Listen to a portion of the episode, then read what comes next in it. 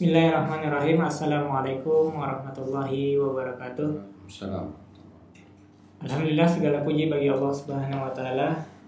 Eh, pada kali ini alhamdulillah kita kembali lagi pada kajian serial filsafat di komunitas pembelajar Islam bersama saya di samping kanan saya alhamdulillah telah hadir Ustadz Musa eh, Kazim Al-Habsi. Beliau yang banyak menulis persoalan filsafat baik menerjemahkan maupun menulis karya sendiri. Eh, pada kali ini sebelum kita lanjut lebih dalam, saya ingin eh, menegaskan bahwa walaupun eh, tema kita filsafat kali ini eh, agar pemirsa di rumah dan di mana pun anda berada eh, tidak membayangkan bahwa filsafat ini eh, mungkin seperti yang anda dapatkan mungkin di bangku kuliah atau di buku bacaan.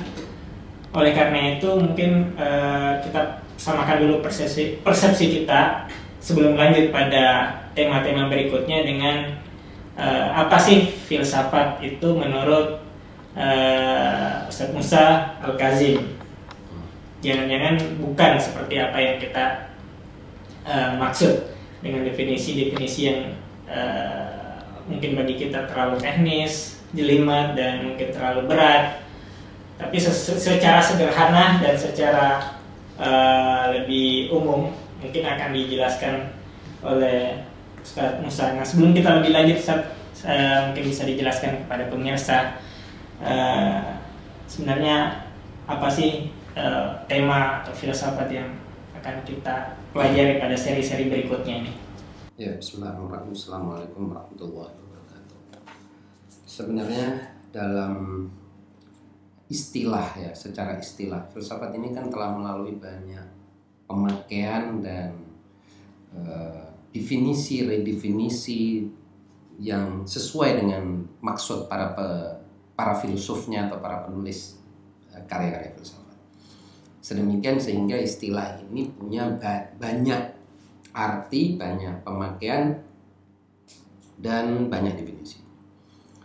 Tapi secara garis besar kita bisa katakan bahwa filsafat itu adalah metode rasional Hmm. untuk menangkap kebenaran, untuk memahami kebenaran, menyingkap kebenaran. Ini eh, bisa dikatakan sebagai eh, definisi yang mencakup berbagai definisi, berbagai uraian tentang makna filsafat yang ada dalam eh, buku-buku filsafat.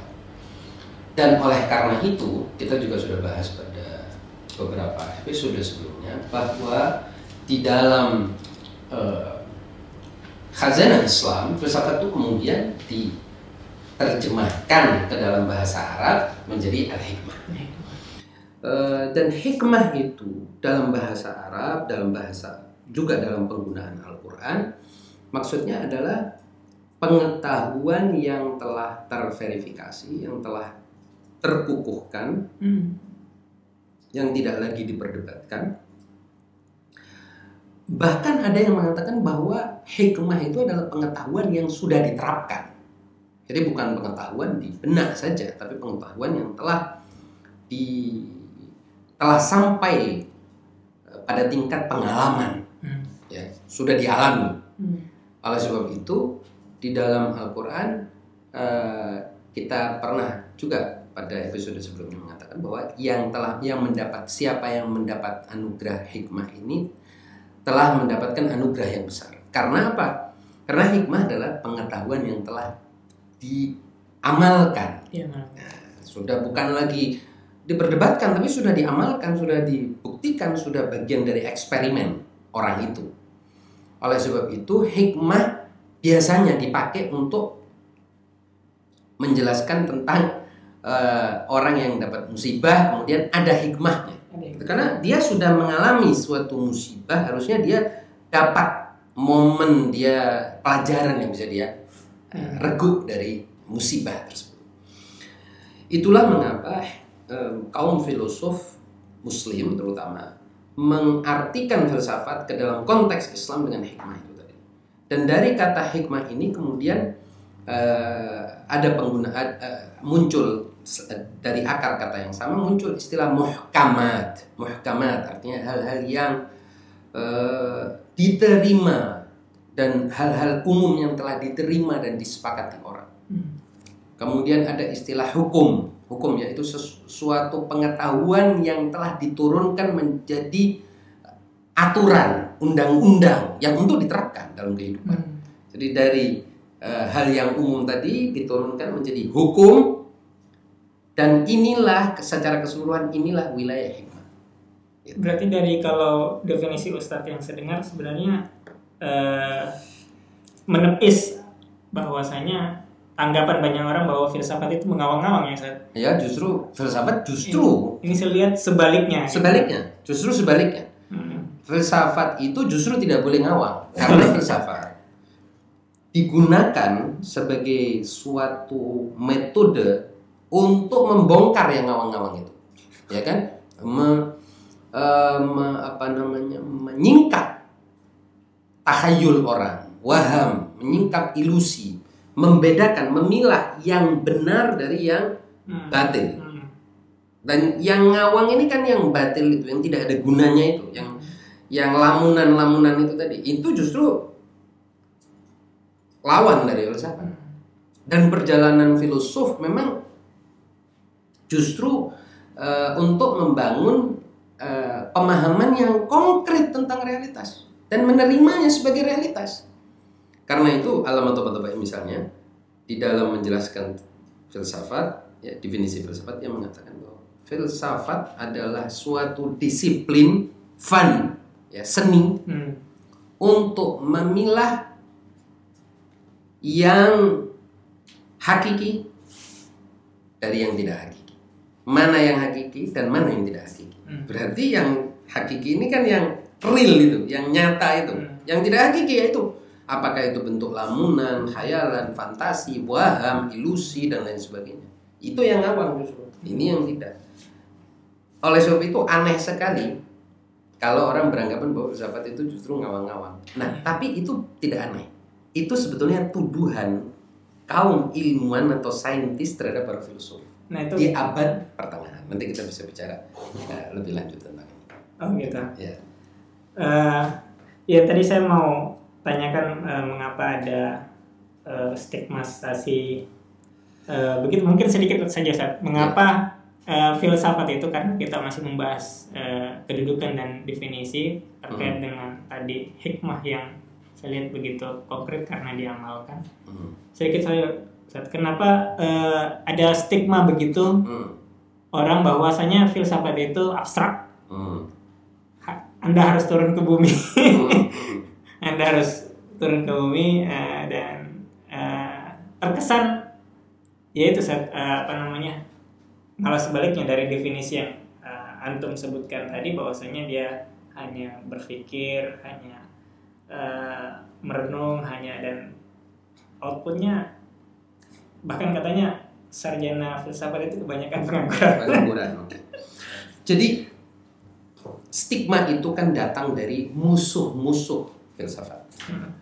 Orang-orang yang memusuhi filsafat ini umumnya adalah orang yang tidak ingin metode rasional itu berkembang di masyarakat. Hmm. Orang-orang yang pada umumnya ingin mendominasi pikiran masyarakat. Hmm orang-orang yang ingin uh, mendoktrin masyarakat dengan doktrin-doktrin yang tidak punya basis rasional. Uh, dan mereka itulah yang menstigma filsafat itu sebagai suatu uh, ilmu atau metode yang awam, yang tidak menyentuh bumi, hmm. supaya masyarakat ini terjauhkan dari filsafat. Karena kalau mereka berfilsafat menggunakan metode ini secara otomatis mereka akan menjadi kritis dan kemudian mereka bisa memilah mana yang sejati dan, dan mana yang tidak hakiki. Tidak sejati.